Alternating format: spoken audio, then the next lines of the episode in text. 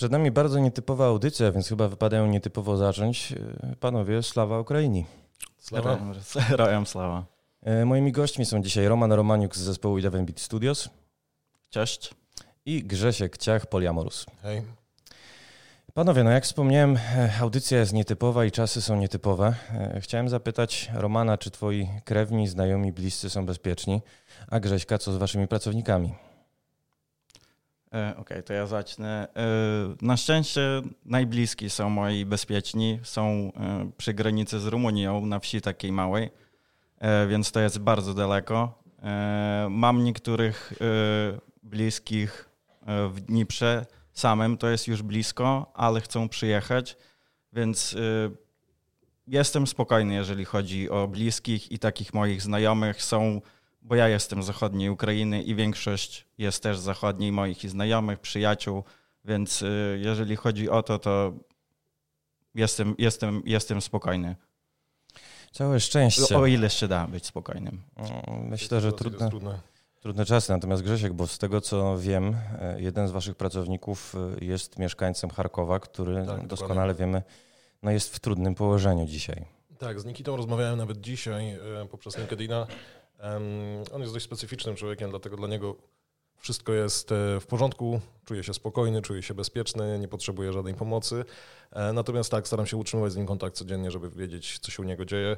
Drugi z moich no, już byłych pracowników, e, bo aktualnie pracują dla Michała Mielcarka w Draw Distance, Dmitro siedzi w Lwowie. Pomagaliśmy zorganizować z Mikim Majką transport jego rodziny. I udało się? Rodzina już jest bezpiecznie w Polsce? Tak, z tego co wiem, tak. E, powiedzcie mi w takim razie, co w ogóle my jako branża, bo odnoszę wrażenie, że wszyscy zadajemy sobie to pytanie teraz, możemy zrobić, żeby wesprzeć Ukrainę? E, moim zdaniem to, to, co się dzieje, to co zaczęło tak jakby 11 Bit Studio z tą zbiórką, że przez 7 dni będą wszystkie fundusze, które no, przez This War of Mine gra się sprzeda, wszystko idzie na pomoc Ukrainie, to myślę, że no, jestem po prostu na tyle dumny ogólnie z Polski, z Polaków, ale też ze swojej firmy, w której pracuję, że na tyle szybko to zorganizowali i no naprawdę jestem pod wrażeniem. I ciężko mi dziękować i mówiłem y, wujkowi Paweł Michowski, nie, że dziękuję. Mhm. On mówi, że to jest wspólny wysiłek, czyli jesteśmy razem wszyscy w tym i no nie wiedziałem nawet co powiedzieć. I myślę, że wszystkie potem firmy, co też y, robią te rzeczy, że te wszystkie dotacje i te zbiórki, to jest po prostu niesamowite. Ja nie nadążam, powiem wam szczerze, z aktualizowaniem w ogóle wiadomości na polskim Game Devie. No raptem teraz, tuż przed naszą audycją dodałem jeszcze informację, że 8 y, bit wpłaciło 50 y, tysięcy złotych na polską akcję humanitarną, Awesome Game Studios 10 y, tysięcy, E, People Can Fly dołączyło do peletonu e, milion złotych przekazując. To są często ogromne sumy, często trochę mniejsze, ale zdaje się, każdy pomaga jak może. No i skąd właściwie ta solidarność polskiego game devu, skoro widzimy, że często Francuzi, Niemcy, Włosi operują w myśl zasady business as usual? Myślę, że tutaj jest duża kwestia tego, że my czujemy to zagrożenie też. To jest jakby zagrożenie, które jest nam znane z Rosją nie układa nam się politycznie od lat, w związku z czym gdy nasz sąsiad, e, jednak e, bardzo podobny kulturowo, bardzo podobny językowo, bardzo bliski nam, jest e, w aktywnej wojnie z tym znanym nam zagrożeniem, to wiemy, że musimy się zrzeszyć i że musimy pomóc. Zresztą to jest też bardzo, bardzo słowiańskie, takie zrzeszanie się, pomaganie w obliczu zagrożenia, w obliczu jakiejś przeciwności losu pomiędzy podziałami. To jest naprawdę coś, co jest typowe I, I, bardzo dobrze, i bardzo dobrze, że, że, możemy to zobaczyć. Grzesiek, ty w ogóle ruszyłeś do pomocy bardzo bezpośrednio, bo z tego, co mi wiadomo z twoich social mediów, jeździłeś na granicę. Wywoziłeś tam tak. sprzęt, czy wywoziłeś ludzi w głąb Polski? Zebrałem sprzęt. E, konkretnie jest taka instagramerka, która się nazywa Ubrania do oddania, założyła ona butik cyrkularny i zorganizowała niesamowitą sprawę, ponieważ cały magazyn był wypełniony różnymi rzeczami, które były potrzebne do przewiezienia na granicę z Ukrainą. Były to ubrania, chemia, E, pampersy, leki, elektronika i inne tego typu rzeczy. E, zapakowałem swoje auto w, w tym miejscu, przyjechałem do Żurawina pod Przemyślem, e, tam wypakowałem te rzeczy pod samą medykę, pod granicę, przewiozłem dziewczynę, która musiała przedostać się do Ukrainy, żeby odebrać swoje trzyletnie dziecko, które nie miało z kim przekroczyć granicy. A następnie z Podhrebennego Odebrałem też matkę z dzieckiem i przywiozłem ich do Warszawy. Widziałem w ogóle post Konstantego Kalickiego, który się też wybrał do ośrodka przygranicznego. Właśnie go chciałem sprawdzić na Facebooku, ale mówię za krótko. I on zdawał taką relację dramatyczną. To znaczy, że tam są tłumacze, którzy są po 23-24 godziny na nogach, że już dwa porody w ogóle odebrano w takim e, ośrodku. E, co my możemy e, dla tych ludzi zrobić? Co im możemy przywieźć? Jak możemy działać? Jedzenie, kawa, ciepłe napoje, to wszystko jest bardzo tam potrzebne, zwłaszcza ci ludzie, którzy przekraczają na pieszo granicę z Ukrainą, Ukrainę z Polską, są zjemnięci, dlatego że po stronie ukraińskiej te kolejki trwają czasami kilometrami tak naprawdę. Oprócz tego elektronika, powerbanki, y, sprawne laptopy, sprawne telefony, to wszystko, karty SIM, starter paki, inne tego typu rzeczy, to wszystko są rzeczy, które są nam bardzo potrzebne w tym momencie. E, z tego co wiem, między innymi Techland, ale też y, chociażby Eleven Bit Studios organizuje też przestrzeń biurową dla uchodźców i uchodźczyń z Ukrainy. Z Ukrainy. Roman, jak to właściwie ma działać? E, no, zorganizowaliśmy taki centrum pomocy. E, pomagamy też prawnie, bo mamy prawnika w firmie, e, więc ja się zgłosiłem jako tłumacz i już pomagałem tłumaczyć jakieś tweety, jak robili jakieś informacje, że możecie się zgłaszać. O dwójka też zwróciły się ode mnie dziewczyny z firm, nie pamiętam z których, zagranicy i oni, one, one założyły swój Discord, na którym już jest 300 deweloperów właśnie z, całego, z całej Europy, z Francji, z Portugalii i każdy oferuje e, lub że mogą po prostu e, przyjąć kogoś, tak żeby mieszkać lub dają pracę. E, w swoich firmach. E, no, a u nas to tak działa też na podobnej zasadzie, tak bo tak jak mówię, są numery, e, dziewczyny i chłopaki z administracji pomagają w ogóle, jak ktoś się zwraca, wysyłają co, jak, jakie dokumenty. Mamy też prawnika, który prawnie pomaga, jakby trzeba było tłumacza, no to tłumacza, jakby ktoś przyjechał na przykład na miejsce, Plus wiem, że dużo od nas osób też samochodami pojechało na granicę w te pierwsze dni i zabierali ludzi i do siebie i po prostu podwozili na przykład do Warszawy czy coś tam. No i ciągle działa zbiórka i pieniądze się zbierają, no i artykuły takie pierwsze niepotrzebne. E, potrzebne, przepraszam. E, ja od razu odeślę naszych słuchaczy do newsa e, na polski GameDev.pl, jak pomóc Ukrainie, w którym to newsie znajduje się m.in. link do wspomnianego przez Romana Discorda. E, I od razu dopowiem, bo słuchajcie, e, robiłem taki artykuł w weekend, akurat nie dla polskiego game devu, ale e, dla, dla innego serwisu, że Roman tutaj bardzo słusznie mówi, że najbardziej te wszystkie grupy, które szukają wolontariuszy, poszukują w tym momencie tłumaczy, poszukują w tym momencie prawników i poszukują w tym momencie kierowców, ale też osób z wykształceniem no, psychologicznym, które mogłyby pomóc, no bo w obliczu tego kryzysu humanitarnego, straty często dobytku życia, E, po prostu ta pomoc psychologiczna jest bardzo, bardzo e, potrzebna. E, skoro natomiast już rozmawiamy o różnych reakcjach, to ja Wam powiem, że przygotowując się do tej rozmowy i przeglądając dzisiaj social media, trafiłem na post Kuby Biela, który mm, no, alarmował, że jego dziewczyna, która jest narodowości Ukrai- rosyjskiej, przepraszam, spotkała się z hejtem, spotkała się z dyskryminacją. E, czy wy w ogóle współpracujecie z Rosjanami, z Rosjankami? Jak oni są przyjmowani? I czy możemy na tej antenie też zwrócić uwagę, że państwo rosyjskie to nie są obywatele rosyjscy? E, ja jak najbardziej to widzę, czyli nie, no, widzę, że jaka jest sytuacja ogólnie, nie? Bo siedzę na przykład głównie w Telegramie na ukra ukraińsko- i rosyjskojęzycznych kanałach, więc wiem jak jest i rozumiem skąd może być ten hejt, bo no, to, co ta cała informacja, co się wrzucają jakieś wideo, jak po prostu cywile giną, ja wiem, że to w ludziach budzi po prostu taką nienawiść do wszystkich. I tam już niektórzy mówią, że no dobrze, Putin Putinem, ale też na pewno odczuwają do, mogą odczuwać do wszystkich po prostu taką prawdziwą nienawiść, że, że giną dzieci i ludzie po prostu na ulicach nie i leżą, tak jak teraz w Charkowie dzisiaj z rana na przykład. E, no nie, nie jest to łatwe. E, generalnie czasem jak oglądam też nie ukrywam, odczuwam taką po prostu złość w sobie, ale potem rozumiem, że to są po prostu tylko ludzie, którzy zostali no, takimi niewolnikami tego rządu, co tam jest, nie? I oni praktycznie są tak jak my, no nie mają po prostu co zrobić. E, ja jestem tolerancyjny, w pracy mamy też na przykład ludzi z Rosji. Pytali mnie, ja nie mam w ogóle jakichś uprzedzeń, nic. To są po prostu ludzie tak jak i my, i nie widzę tego, rozumiem skąd to się może brać i ktoś na pewno inaczej to odbiera i mówię, kto stracił może bliskich, to może inaczej do tego podchodzi, e, no bo, bo tak. Ja mam dwie historie, które są z tym związane. E, jedna z nich to ekspata z Rosji, która aktualnie mieszka w Ameryce i pracuje w amerykańskiej branży game devowej. E, który pomaga nam zorganizować w tym momencie transporty z Ukrainy na granicę, pomaga organizować jakichś ludzi, którzy w tym momencie na Ukrainie potrzebują pomocy, bo jest bardzo mocno w to zaangażowany.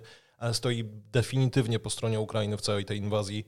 Non-stop wysyła i, i szeruje rozmaite informacje w social mediach związane z tą wojną. Stara się jakby malować prawidłowy, poprawny, ten prawdziwy obraz e, tej wojny. Druga zaś sytuacja jest totalnie z drugiego obozu, z drugiej strony barykady.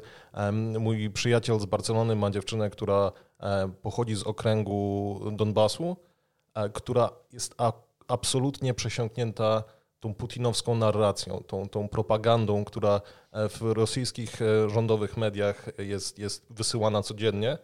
I to on tak naprawdę początkowo posiadał informacje tylko i wyłącznie od niej z tej propagandy i nie widział nic złego w tej inwazji, i dopiero konfrontując to z wszystkimi informacjami, które są dostępne na Zachodzie, potrafił stworzyć kompletną narrację, kompletny obraz tego, jak bardzo fałszywe są te informacje w prorosyjskich mediach. A natomiast ci ludzie, którzy mają dostęp tylko i wyłącznie do rządowej propagandy i narracji, mogą mieć problem z zobaczeniem tego, co się faktycznie dzieje i dlaczego się dzieje tak, jak się dzieje. E, powiedzcie mi w takim razie, czy zasadnym byłoby, a apelują co po niektórzy o to, żeby na przykład e, giganci technologiczni, nie wiem, Meta, właściciel Facebooka, e, Twitter na przykład zamknęły swoje podwoje przed obywatelami Rosji. Bo ja się trochę właśnie obawiam, że wówczas Rosjanie i Rosjanki zostaną tylko i wyłącznie z jednym źródłem informacji. Nie będą mogły docierać do nich te informacje, które różnymi kanałami udaje się teraz przyswoić. Tak, to byłoby absolutnie przerażające. Myślę, że lepszym sposobem byłaby tutaj masowa moderacja treści pochodzących z tamtych stron i, i, i cross-checking wszystkich faktów, które, e, które ludzie próbują szerować i ukrócenie po prostu tej propagandy. No to jest walka z wiatrakami, to jest olbrzymi wysiłek, syzyfowy praktycznie rzecz biorąc, ale zamknięcie całkowicie możliwości szerowania informacji e, dla ludzi z Rosji będzie oznaczać po prostu zanurzenie ich głębiej w putinowskiej narracji. A Powiedz mi w ogóle, Roman, bo ty jesteś w wyjątkowej sytuacji, to znaczy ja na przykład nie mam dostępu do kanałów e, rosyjsko- czy ukraińskojęzycznych, wspomniałeś o tym telegramie, to znaczy dostęp niby bym miał, natomiast nie mam znajomości języka. E, jak właściwie wyglądają tam komunikaty i na ile się różnią od tego, co do nas dociera? E, są bardziej szczegółowe to na pewno, czyli jak na przykład też śledzę TVN, nie, i tam te taka relacja, co idzie, mhm. no to tam bardzo takie są ogólne, naj, naj, najważniejsze rzeczy. E, na tych kanałach, co ja siedzę, to tam mm, po pierwsze jest bardziej dokładnie, mówią też o wszystkich e, tych obstrzałach miast, żeby ludzie uciekali e, do schronów, e, no i wrzucają takie treści, Czyli tak, y, jest też swego, rogu, y, y, swego rodzaju propaganda, ale jest bardziej taka, żeby po prostu pokazać ludziom, co naprawdę się dzieje. Bo ktoś może sobie nie wyobrażać, i to nie jest tak, że to jest po prostu. Siedzę na takich też rządowych kanałach, czyli to jest taka informacja, że potwierdzona i wszystkie też zagraniczne później, na przykład dzień później, potwierdzają, że to rzeczywiście prawdziwe. Po prostu tam się pojawia natychmiast. Eee, i tutaj jest bardziej taka złagodzona, to co wy dostajecie. E, w tych kanałach jest po prostu wrzucana prawie co natychmiast po sprawdzeniu, jest bardziej taka szokująca i myślę, że ja na przykład kiedyś y, nie mogłem patrzeć na takie treści, ale jakoś ostatnie dni mnie tak zahartowały, że po prostu no, tak rzeczywistość we mnie uderzyła po prostu z innej strony. A może właśnie to jest moment, że powinniśmy na nie patrzeć? Myślę, że tak. E, jeżeli chodzi o propagandę w Rosji, no to tam już Twitter został zamknięty. E, nie wiem, czy wiecie, ale teraz już w bardzo dużo europejskich krajach, w Kanadzie też wiem, e, pozamykali te ich główne kanały RT. Russia Today, tak. Tak, i Sputnik, bo ciągle hakerzy hakują i wrzucają. Dzisiaj wszystkie strony gazet głównych to zostały schakowane i było wiadomo, że słuchajcie, nie wierzcie wszystko, tutaj rząd nami rządzi i piszą to, co oni chcą. Nie wierzcie, że ludzie tam giną na Ukrainie i dzieci i tak dalej. Chcę Wam zadać jeszcze pytanie z naszego poletka, które może jest abstrakcyjne. To znaczy, w tych wszystkich wyrazach e, uznania, wyrazach wsparcia, wyrazach solidarności, ale też wyrazach wsparcia finansowego, E, ze strony przede wszystkim game devu polskiego mnie zabrakło głosu, który chyba powinien wybrzmieć. To znaczy, żaden z dużych wydawców nie zdecydował się jasno nazwać zła złem, żaden z dużych wydawców nie zdecydował się odciąć swoich usług. Rosjanom i Rosjankom, co mogłoby dać wymierny efekt. No bo nie ukrywajmy, że sytuacja jest bez precedensu i oczywiście pieniądz rosyjski rubel jest, jest słodki, ale czy, czy nie jest tak, że Big Tech powinien i przede wszystkim game dev y, powinien zareagować, powinien, nie wiem, odłączyć dostęp do sklepu PlayStation, do Steama, do usług Microsoftu właśnie obywatelom i obywatelkom Rosji? Uderz ich tam, gdzie najbardziej zaboli, tak? No, jakby Rosjanie są zapalonymi graczami, w związku z czym um, odłączona możliwość grania w przysłowiowego CSA w mhm. Dotę, w Lola na pewno byłaby sygnałem, że dzieje się coś, na co powinni zwrócić uwagę. Być może wszystkie te platformy, nawet bardziej niż odcięcie, powinny służyć właśnie przekazywaniu informacji, przekazywaniu tych rzetelnych, prawdziwych informacji na temat tego, co się dzieje na Ukrainie, e, gdzie e, byłoby to bezpośrednim źródłem do tych ludzi, którzy mogą mieć najbardziej jakby zaczarowany obraz tego, e, tej całej sytuacji. Natomiast tak, na, na tyle, na ile to jest możliwe, powinno się na pewno ograniczyć i odciąć możliwość jakby mm, odrywania się, eskapizmu od sytuacji, która, która aktualnie mamy przed sobą. E, myślę, że trochę się zgadzam, e, ale na przykład takie sklepy e, jak PlayStation czy na przykład Microsoft, Xbox, wątpię, że oni coś zrobią, dopóki na przykład to jakoś nie wpływa na ich platformę, bo na przykład tam rzadko, gdzie da się na tych platformach zostawiać komentarze i recenzje i w ogóle. Są, jest wszystko w gwiazdkach i mhm. tam na przykład polityki nie ma. Taki Steam to już widzę, że może być problem i tak jak teraz na przykład i z naszą grą, z Twomem jak było, że po prostu boty wchodzą ruskie i wrzucają polityczne komentarze negatywne i po prostu cisną, że sprzedaliśmy się i wspieramy nazistów i tak dalej. To myślę, że jak taka polityka już wejdzie, to no, mogą być jakieś skutki. To znaczy, z drugiej strony, mm, nie zapominajmy o tym, że sporo graczy ruszyło, e, żeby ratować opinię chociażby This War of Mine, tak. bo rzeczywiście ten review bombing się nasilił. E, powiedziałeś takie zdanie, że e, platformy te duże nie są polityczne, tylko pytanie, czy ten bardzo trudny czas, czy, czy my w ogóle możemy nie być polityczni? To znaczy, czy duża firma, która nie zajmuje stanowiska, w istocie go nie zawiera. Ja bym chciał powiedzieć w ogóle, że wojna to nie jest polityka. Jakby to jest Jasne. tragedia, to jest dramat, który się rozgrywa i tu nie można powiedzieć, że nie chcę rozmawiać o wojnie, bo nie chcę być polityczny. Wojna jest i, i, i trzeba o niej rozmawiać. Zgadzam się jak najbardziej. E,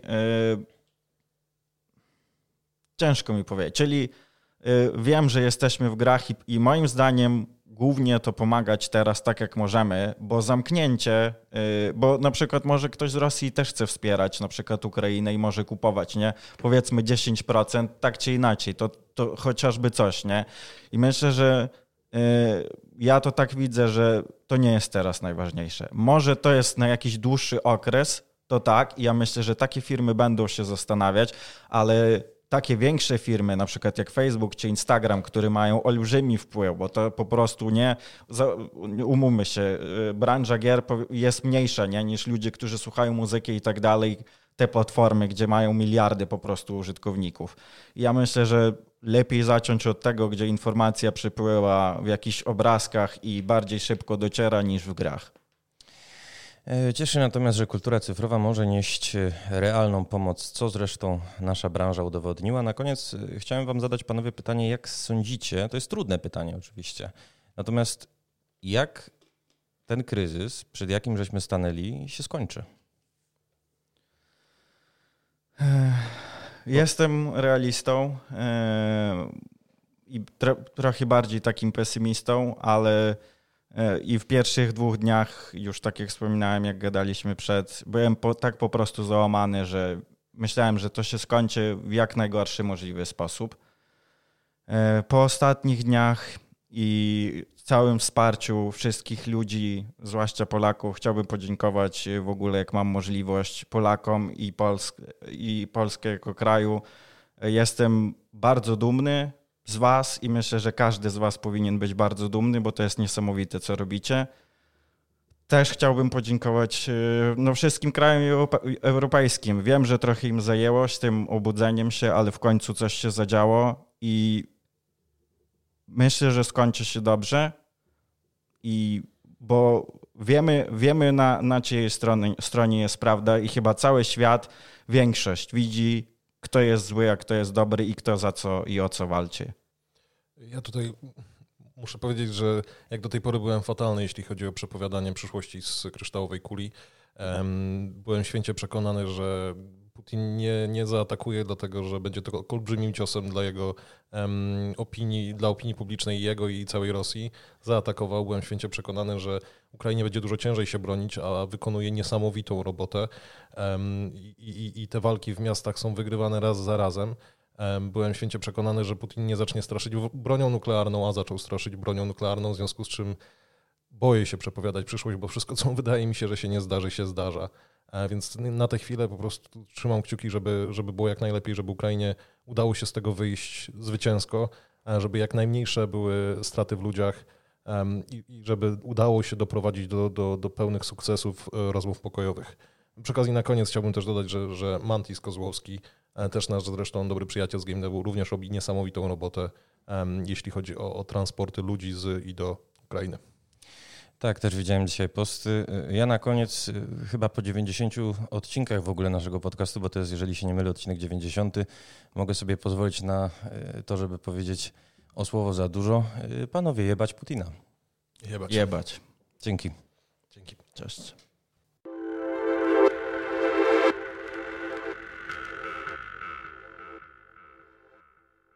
Jest ze mną Wojciech Pazdur, The Farm 51. Cześć Wojtku. Cześć, witam wszystkich. Y, drogi, szczerze mówiąc, nawet nie wiem, jak w ogóle zacząć ten podcast. I wydaje mi się, że zasadnym jest y, zacząć od słów y, sława Ukrainie. Gerojom sława. Tak się na to odpowiada. Odpowiada i odpowiadają na to no, od kilku dni ludzie w miastach w Polsce i na całym świecie, bo trwają również protesty uliczne. Sam byłem pod ambasadą rosyjską. Dzisiaj się wybieram pod ambasadę Białorusi. E, powiedz mi, bo nie jest tajemnicą, że The Farm 51 ma no, chyba najbliższe, jeżeli chodzi w ogóle o twórców polskich, związki z e, Ukrainą. Czy wy macie no, w swoich szeregach Ukraińców i Ukrainki? Tak, mamy, ale to chyba pod tym względem już przestało to być ewenementem, bo wielu Ukraińców w ciągu ostatnich lat przyjechało do Polski i z tego co wiem, to w prawie każdej większej polskiej firmie jest przynajmniej parę osób tej narodowości. Y, faktem jest, że według raportu Game Industry Conference i PARP-u co dziesiąty pracownik polskiego game devu to już jest obcokrajowiec, a najwięcej z nich właśnie przyjeżdża do nas ze wschodu. Natomiast y, skłania mnie to do zgoła podstawowego pytania, czy pracownicy waszej firmy są bezpieczni? Czy macie z nimi kontakt? No my głównie, czy Ukraińcy, z którymi my pracujemy, to są, e, dzielą się na dwie grupy, no więc może tak, e, ta część, która pracuje w Polsce jest 100% bezpieczna, no i tutaj jakby angażuje się w pomoc e, swojej, swoim rodzinom, swoim przyjaciołom, którzy zostali za granicą. Natomiast ci, ci, z którymi współpracujemy za granicą, no to tutaj case by case, z każdą z tych osób staramy się być w jakimś kontakcie i każdej z tych osób w miarę możliwości i w miarę potrzeb staramy się jakoś pomóc. Natomiast no, możliwość działania po drugiej stronie granicy w tej chwili tak na dobrą sprawę spadła do zera, no bo wszelkie nasze działania na Ukrainie sprowadzały się do tego, że tam jeździliśmy i mogliśmy tam być. I, i to był częściej bezpośredni kontakt. No, w tej chwili za pomocą komunikatora internetowego wiele zrobić nie można, poza ewentualnie przekazaniem informacji, poza koordynacją, poza skontaktowaniem kogoś z kimś. No i to robimy i, i tutaj staramy się dużo pomóc, ale jednocześnie no, jesteśmy w pewnej bezsilności, ponieważ żadnych działań tam na miejscu w chwili obecnej prowadzić się nie da.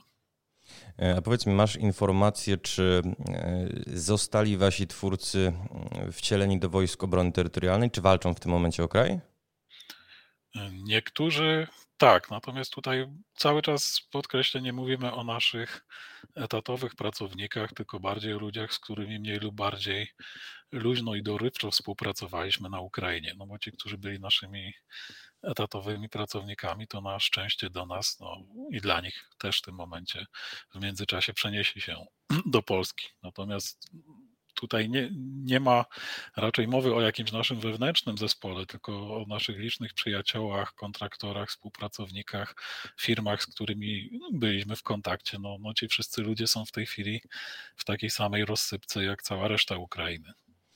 E, powiedz mi, czy udało się ściągnąć do kraju e, rodziny tych waszych etatowych pracowników? Bo z tego co wiem, a jestem w kontakcie z wieloma polskimi studiami, no właśnie wokół tych, te, tego typu działań ich wysiłki się w tym momencie koncentrują, żeby ściągnąć rodziny i żeby za, załatwić im mieszkania, załatwić im miejsce do życia.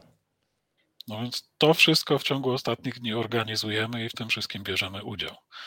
Także tutaj już jakieś pierwsze, pierwsze rzeczy się zrealizowały, no ale tak naprawdę to e, większość osób, które chcą z Ukrainy wyjechać, jeszcze z tej Ukrainy nie wyjechało. Z różnych powodów. Czy to dlatego, że musi zostać z rodziną, czy to na przykład dlatego, że mąż jest w wieku e, poborowym, czyli łapie się jeszcze na obowiązek mobilizacji i żona nie chce go zostawić. No ale zakładam, że rozwój sytuacji w najbliższych dniach i tygodniach będzie pchał coraz większą rzeszę ludzi do, do przeprowadzki i na pewno my w tej chwili, no ja sam zresztą przerwałem e, kilka rozmów, które, które w tej chwili właśnie prowadzę z różnymi osobami po to, żeby ułatwić im e, dotarcie do Polski, no i zorganizować ich pobyt w Polsce. Przypomnijmy, że już 200 tysięcy uchodźców i uchodźczyń e, jest, e, jest w Polsce. Na szczęście e, tym razem państwo zareagowało bardzo dobrze na ich przyjazd. No i przede wszystkim okazaliśmy, tak mi się wydaje, jako Polki i Polacy olbrzymią solidarność. Natomiast zanim jeszcze o tej solidarności, to chciałem Cię zapytać, bo nie jest tajemnicą, było to już na medialnych szpaltach. W piątek Rosjanie zajęli Czernobyl, wzięli do niewoli stacjonujących tam żołnierzy. No i już teraz y, obserwujemy zmianę poziomu promieniowania. Y, ty wielokrotnie, i to na różnych łamach, również na naszych, rozbrajałeś mit, że promieniowanie w zonie może zagrozić y, człowiekowi. Natomiast co się może wydarzyć, jeżeli, przypuśćmy, pocisk trafi w składowisko radioaktywnych odpadów? No więc właśnie, dochodzimy tutaj do momentu, w którym ja mówiłem o braku zagrożenia, ale nie brałem pod uwagę tego, że po zonie będą się kręcić idioci z granatnikami, e, nie mówiąc o wyrzutniach rakiet, e, które albo są przestarzałe, albo są obsługiwane przez pijanych e, rosyjskich poborowych. Także, no to, to, to, ale są dwa wątki. Jeden to jest to, że wzrosło tło promieniowania. Tym akurat nie należy się w tej chwili przejmować, bo to jest związane z tym, że tam jeździły w tej i we w te kolumny sprzętu wojskowego, które wzniecały tumany kurzu, no, do tego kurzu są przyczepione e, radioaktywne cząstki, no i, i to, to zostało odnotowane. Natomiast tutaj nie ma, nie ma jakby ryzyka płynącego stąd. Natomiast ryzyko tego, co może się zdarzyć w sytuacji, kiedy, e, kiedy wojska kraju, mówiąc najdelikatniej, niezbyt e, rozumnie obchodzącego się z technologiami, położą na tym łapę, a przede wszystkim będą próbowały wykorzystać cały ten fakt do wzbudzenia strachu, no bo tutaj cała, cała rzecz wokół zajęcia Czarnobyla między innymi dotyczy tego, że jak ktoś zajmie Czarnobyl, to od razu może dzięki temu no, siać panikę. No jednak niezależnie od tego, co się naprawdę dzieje i co się może wydarzyć w Czarnobylu, sam fakt, że armia okupuje Czarnobyl i że rośnie tło promieniowania, już jest jakby dobrym powodem, żeby straszyć ludzi na całym świecie. No ja tutaj muszę przyznać, że myślałem, że mam dużo wyobraźni, jak projektowaliśmy Czarnobylite i, i umieszczaliśmy tam żołnierzy fikcyjnej, sowieckiej, e, takiej najemniczej armii, no ale się okazało, że rzeczywistość przerosła naszą fantazję. Mm, wojna niestety powinna zostać w scenariuszach gier wideo. E, w ramach ciekawostki ci powiem, że rozmawiałem dzisiaj z Natalią Panczenko z grupy Euromajdan Polska. To jest taka grupa aktywistyczna, która działa u nas w kraju od wielu, wielu lat. Teraz prowadzą e, zbiórkę dla ukraińskich e, sił zbrojnych. Między innymi zbierają pieniądze na kamizelki i hełmy kuloodporne. Polecamy oczywiście wesprzeć.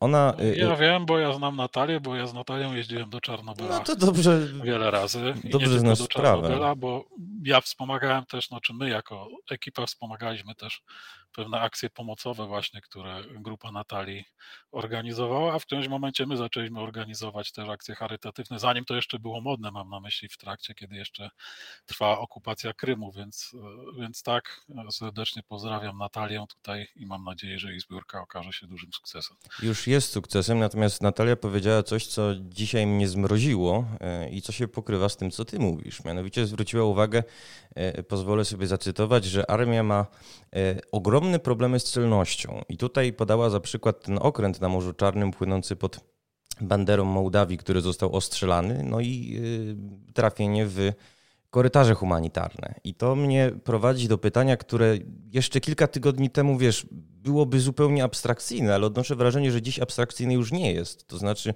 na Ukrainie działają w tym momencie cztery elektrownie atomowe. Co się stanie, jeżeli pocisk przypadkiem, albo nie przypadkiem, trafi w jedną z nich? No, w najprostszym scenariuszu będziemy mieć powtórkę tego, co wydarzyło się w Czarnobylu i w Fukushimie.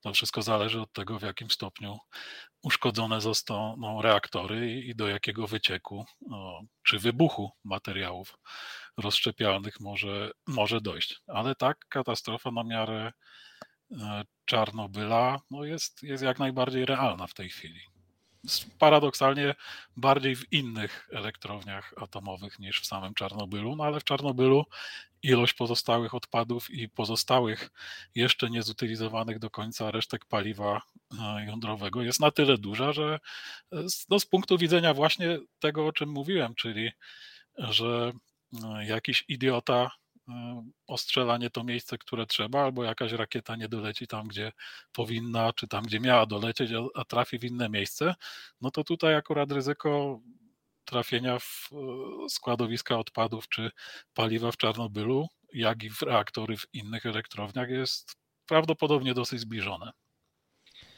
Powiedz mi, to może być dziwne pytanie, ale jak w ogóle w takich warunkach można robić gry, jak w takich warunkach można pracować, bo powiem Ci szczerze, ja od kilku dni jestem po prostu niesiony adrenaliną i jakoś, nie wiem, przekonany o słuszności tego, co robię, a na paru różnych frontach działam, natomiast nie wyobrażam sobie, jak mógłbym, nie wiem, przyjść do pracy w tym momencie i klepać linijki kodu do gry. No to ja mogę tylko odpowiedzieć tak, no, z perspektywy dystansu, jaki można złapać lub nie, no to dla niektórych z nas jest to przynajmniej tak samo trudne jak dla ciebie. I ja nie ukrywam, że w tej chwili więcej czasu w pracy poświęcam na ogarnianie różnych spraw związanych z tą sytuacją niż, niż na menedżowanie tego, co bym menedżował powiedzmy tydzień temu. E, gdyby, gdyby sytuacja na świecie się nie zmieniła. Więc tak, w niektórych z nas to mocno uderzyło, zresztą no niektórzy z nas e, biorą w tej chwili jakieś tam dni wolne, czy po prostu no, pozwalamy im, nawet nie spalając urlopu, załatwiać różne rzeczy, które pozwalają pomóc uchodźcom, czy oddać krew, czy, czy zorganizować coś jeszcze, co każdemu leży na sercu po to, żeby no, no rozładować przede wszystkim tą chęć niesienia pomocy. A z drugiej strony to jest budujące, że, że ludzie chcą tak pomagać i wie, wie, bardzo wielu z nas mocno się w to angażuje. Wiesz co, ja zauważyłem, nie wiem czy się ze mną zgodzisz, ale że y, w ogóle jako polska branża właściwie chyba nadajemy ton. To znaczy jasne, że pierwszy w ogóle głosy podniosły się z Ukrainy. Myślę tutaj o twórcach y, Stalkera, o, o Vostok Games, o twórcach cyklu Metro, y, którzy zachęcali bardzo aktywnie, żeby wesprzeć chociażby, mm, nie wiem, ukraińskie siły zbrojne przelewami na konto. Natomiast od y, czterech, od pięciu, bo to już piąty jest dzień, od pięciu dni obserwujemy no, rzadki pokaz solidarności. To znaczy i CD Projekt, i Techland, i Huge Games płaciły po milion złotych na y, Czerwony Krzyż i inne organizacje charytatywne. Y, organizują się oddolnie deweloperzy, żeby użyczyć Ukraińcom i Ukrainek czy miejsc do odpoczynku, czy miejsc do pracy, bo to też jest przecież teraz y, y, ważne. Eleven Bit ruszyło ze swoją rewelacyjną akcją, która y, de facto popchnęła inne studia do działania, no bo szybko się przyłączyło i White Moon Games i, wiele, wiele, wiele innych studiów, nie wiem, Red Deer Games chociażby, nie wspominając już oczywiście o Was, którzy przecież przeznaczacie tygodniowe zyski z Czernobylajta na ukraiński Czerwony Krzyż. Dlaczego akurat Polacy znaleźli się w forpoczcie, jeżeli chodzi o tę pomoc i no właściwie dlaczego jest ona tak masowa? Bo zazwyczaj, y, y, mimo wszystko, w, sytuacjach kryzysu politycznego bardzo wiele firm, firm wolało nie zabierać stanowiska. Wolało prowadzić y, swoją działalność w myśl zasady business as usual. Wiesz co, no. E, troszkę się zawiesiłem, bo przyznam szczerze, e, w pierwszej chwili odpowiedziałbym, mm, nie rozumiem pytania, przecież tak trzeba, ale oczywiście to jest tylko efekt jakichś tam emocji. Przepraszam Wojtek, ale ja wiem, że tak trzeba i my to czujemy, ja Dobra, to czuję i ty, nie, ale nie wszyscy ja to czują. to mhm. po prostu była pierwsza reakcja na pytanie, którego się chyba nie spodziewałem, ale to może dlatego, że ja już przez ten ostatni tydzień tak tym nasiąkłem, że, że w ogóle nie jestem w stanie e, próbować myśleć inaczej, ale, ale jeśli pytasz o, ref, o refleksję nad tym, no to to dotyczy całej Polski, nie tylko game devu, e, ziściło się coś, o czym ja nie mówię, że, że jaki był ze mnie dobry prorok, bo wolałbym nim nie być, ale ja odkąd pojechałem bodajże w 2016 roku pierwszy raz do Donbasu, e, żeby nakręcić dokument o, o sytuacji de facto jeńców wojennych, e, którzy tam byli chwytani, torturowani i którzy oficjalnie nie byli jeńcami wojennymi, bo żadnej wojny tam nie było, no to wróciłem stamtąd w przeświadczeniu, że, e, że to jest początek, bo to e, nie wystarczy Rosjanom, czy to nie wystarczy Putinowi, co tam robią. Z tego prostego powodu właśnie, że już w 2016 roku e, tak zwany Zachód po części nawet z Polską nauczył się mieć gdzieś to, co się dzieje na wschodniej Ukrainie. Czyli no okej, okay, jakiś tam konflikt, jacyś tam separatyści, no, no jacyś ludzie giną, to bardzo smutne i tragiczne, no ale, ale właściwie no, nas to za bardzo nie dotyczy, bo co my możemy zrobić? No i de facto rzeczywiście my, jako ludzie no, z Polski, niewiele mogliśmy zrobić w temacie mm, konfliktu w Donbasie. Po pierwsze dlatego, że większość z nas go nie rozumiała w ogóle. E, po drugie, dlatego, że możliwości działania były ograniczone, a nawet właśnie e, z tego powodu, że, że wpłaty na Czerwony Krzyż czy na jakieś organizacje charytatywne nie załatwiały sprawy e, tych problemów, które tam, tam były. Natomiast w tej chwili my po prostu widzimy bezpośrednią możliwość rozwiązywania jakichś konkretnych problemów, no, czy to przez bezpośrednią pomoc jakiejś rodzinie uchodźców, czy poprzez właśnie wpłatę na konkretny cel, który my rozumiemy, bo dla nas jest jasne, że to, co się dzieje w Kijowie, no to teoretycznie mogło się też wydarzyć w Warszawie, no bo jesteśmy w stanie nawet wyobrażać sobie takie scenariusze, że to będzie za moment dotyczyć nas. Więc to nie jest wyłącznie kwestia no, wielkiego braterstwa, chociaż e, na całe szczęście ono się budzi i rozwija i w tej chwili znacznie mniej ludzi e, pytanych o to, czy Ukraińcom warto pomagać, czy nie, odpowiada tak, jak, jak odpowiadało, gdy ja mówiłem w 2015 czy 2016 roku, że jeździmy na Ukrainę i pomagamy tym ludziom, no to wtedy wielu moich znajomych coś tam zaczynało mówić o Wołyniu, o banderowcach, o UPA i o tym, że Ukraińcy generalnie nas nie lubią. No to w ogóle było e, paradoksalnie znacznie częstszy argument, e, żeby trzymać się od Ukrainy i Ukraińców e, z daleka, że było przeświadczenie, że oni po prostu nas nie lubią lubią, nawet jeśli nie są potomkami e, sprawców rzezi wołyńskiej. Natomiast e, w miarę kolejnych lat, kiedy coraz więcej Ukraińców przyjeżdżało do Polski, znajdowało tu swoje miejsce i my się z nimi asymilowaliśmy, i, i, i, nie tylko ja widziałem, że to są ludzie tacy sami jak my, że to są po prostu Europejczycy, którzy mieli pecha akurat trochę bardziej na wschód żyć niż my, no to teraz, kiedy już doszło do sytuacji, w której ci ludzie stoją pod, e, pod naszymi drzwiami właściwie i, i my widzimy, że oni mają tak samo trudną sytuację, jakiej my moglibyśmy się spodziewać, gdybyśmy byli na ich miejscu, no to jesteśmy gotowi im pomagać. Ale to jest dla mnie uniwersalne. Ja akurat patrzę na to bardziej globalnie. To nie jest kwestia game devu w tej chwili, to jest kwestia tego, że do nas, czy no, no wielu z nas, do których wcześniej to nie docierało, to dotarło wreszcie, że problem przestał być wyłącznie problemem jakichś tam wschodnich rubieży Ukrainy. Nie chcę tego ograniczać li tylko do game devu, bo rzeczywiście ta eksplozja solidarności jest widoczna i w branży muzycznej, i w sporcie. I no, każdy się stara pomagać jak może. Naprawdę, no, zapewne też nawet scrollując social media widzisz, że e, masa naszych wspólnych znajomych jeździ na granicę, e, promuje zbiórki, no, nie wiem, wozi rzeczy, robimy co możemy, tylko po prostu troszeczkę mnie zastanawia i dziwi, ale bardzo pozytywnie zaskakuje, y, że o ile, nie wiem, branża francuska, branża brytyjska, branża niemiecka czy szwedzka nie jest y, w tym sprzeciwie tak jednoznaczna, tak u nas właściwie wszystkie liczące się firmy wprost potępiły tę agresję, sięgnęły głębiej do kieszeni i, i jest to naprawdę no, jakiś taki moment w historii, e, że, że ja się czuję bardzo dumny, że pracuję w tej branży. Naprawdę. Ja też, ja też się czuję dumny z postawy wszystkich moich znajomych i branżowych, i niebranżowych, ale jednocześnie ja nie mam na ten temat jakiejś głębszej refleksji innej niż ta, że to, co jest bliżej nas i co jest dla nas bardziej zrozumiałe, to bardziej skłania nas do działania. No bo to jest kwestia tak naprawdę Prawda. tego, że, że, że ta wojna przyszła już pod naszą granicę. No, dopóki ona była 1500 kilometrów od nas, to e, wydawało nam się to jeszcze dosyć abstrakcyjne, zwłaszcza, że to właśnie dotyczyło e, jakichś tam krajów, jakichś republik na terenach, o które gdzieś kiedyś toczyły się wojny, których my nie rozumieliśmy. No to nie był Kijów, to nie był Lwów, to nie były miejsca, które my odwiedzamy często, czy to w ramach wakacji, czy, czy jadąc na wycieczkę do, Czarnobyla, czy po prostu mamy znajomych z tamtych miast, którzy z nami w tej chwili pracują.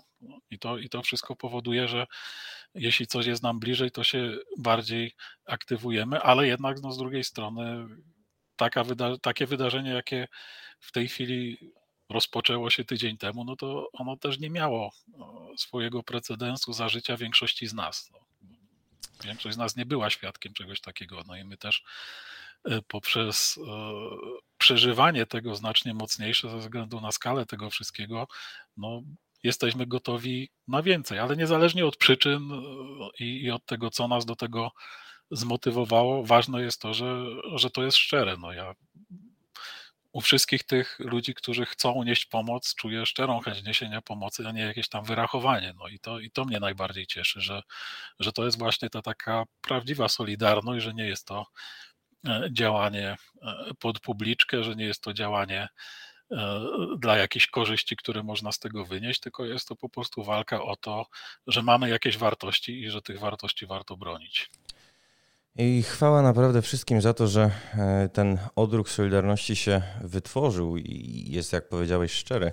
Na koniec Cię chciałem zapytać, Wojtku, bo e, kiedy wyście tworzyli Chernobyl VR Project, no bo Chernobylite jest produktem rozrywkowym, natomiast y, Chernobyl VR Project no, miał być i jest interaktywnym dokumentem. No i wydawało się, że on szczególne znaczenie zyska za lat kilkanaście, może za kilkadziesiąt, no bo nie jest tajemnicą, że y, y, ten, jak to y, ochrzcili co po niektórzy, pomnik ludzkich błędów, no zawala się.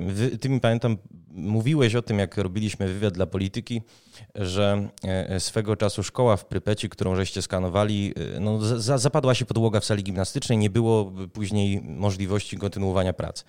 Y, czy ty masz jakieś informacje, jak w ogóle w tej chwili Czarnobyl wygląda i czy nie jest aby tak, że no właśnie ten, ten interaktywny dokument już ma ogromne znaczenie, ponieważ y, no, Czernobyl nie, nie wygląda tak jak jeszcze przed tygodniem, ponieważ y, kluczowe obiekty w, w Prypeci chociażby już nie istnieją.